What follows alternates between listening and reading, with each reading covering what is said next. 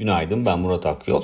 Dün yurt dışı piyasalarda genel hatlarıyla durgun bir görünüm söz konusuydu. Özellikle yatırımcıların perşembe günü açıklanacak olan PCE endeksini beklemeye geçmesi ve bunun yanında Çin'den gelen verilerin ivme kaybı sinyalleri vermesi yatırımcıları beklemeye itti. Bu da piyasaların genel hatlarıyla e, durgun bir performans sergilemesine neden oldu.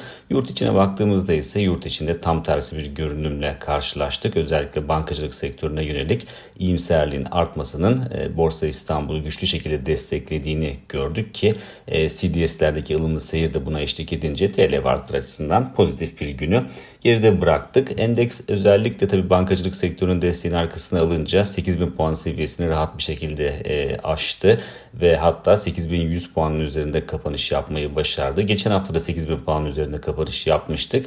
Fakat e, bu seviyenin üzerinde arka arkaya e, kapanışlar görmemiştik. Dolayısıyla çok büyük ihtimalle e, bu kez arka arkaya kapanışlar e, göreceğiz gibi görünüyor ki burada kaldığımız müddetçe ilk etapta takip edeceğimiz direnç seviyesinde e, 8200 puan oluşturuyor. Tabi burası da aşılırsa endekste kısa vadeli iyimserliğin daha da güç kazanması söz konusu olabilir.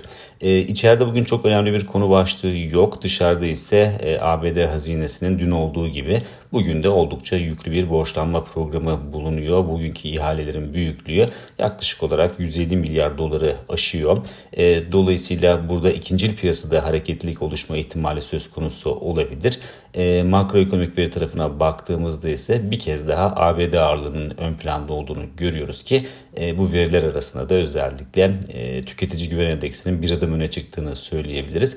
E, bu endeks e, daha çok gelir ve istihdam koşullarındaki değişime hassasiyet gösteren bir endeks ve son dönemde e, hem istihdamdaki ivme kaybı hem de gelirlerdeki geri çekilme e, büyük ihtimalle endekse de negatif yansıyacak gibi görünüyor ki zaten genel beklentiye baktığımızda da bir önceki ay 102.6 seviyesinde bulunan endeksin 101 seviyesine geri çekileceği tahmin ediliyor.